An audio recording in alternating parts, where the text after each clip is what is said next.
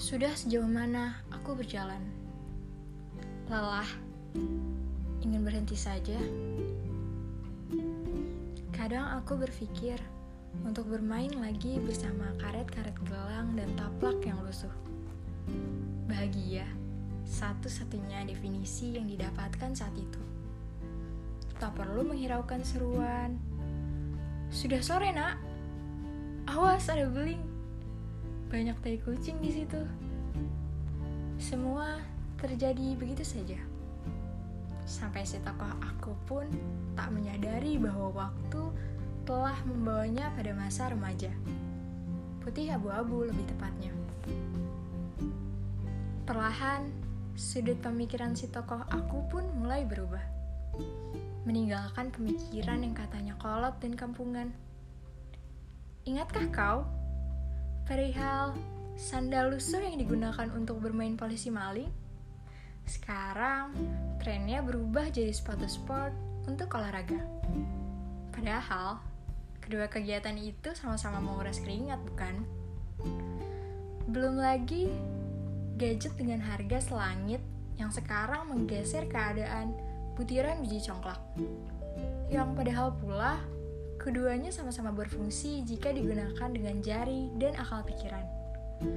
Satu lagi, ketika beribadah, baru selesai buka puasa, Assalamualaikum, ayo kita sholat rawih, keburu isya nih. Teriak sekumpulan anak berwajah putih, bekas bedak tebal sehabis mandi, mengetuk pintu rumah. Penuh semangat. Saat ini, di zaman milenium katanya. Berdoa hanya jika ingin mendapatkan hasil nilai baik dengan segala macam cara yang telah dihalalkan.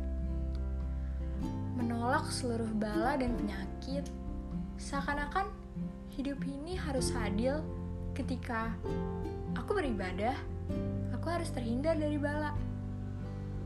Melupakan pahit manisnya gelombang kehidupan. Belum lagi ketika untayan-untayan doa, kini hanya tertara tulisan amin pada kolom komentar. Kau kira Tuhanmu main gadget juga? Hal terakhir, yang sebenarnya masih banyak hal lain, adalah ketika si tokoh aku merasakan yang namanya jatuh cinta. Padahal, KTP saja belum sempat ia gapai. Tapi memang, tak ada satupun hal yang dapat menepis rasa yang tumbuh. Tak ada satu orang pun yang menafik bersikap tak ingin merasakannya. Bahkan, kedengar anak SD di Facebook sudah bersapa ya bunda. Menjijikan memang.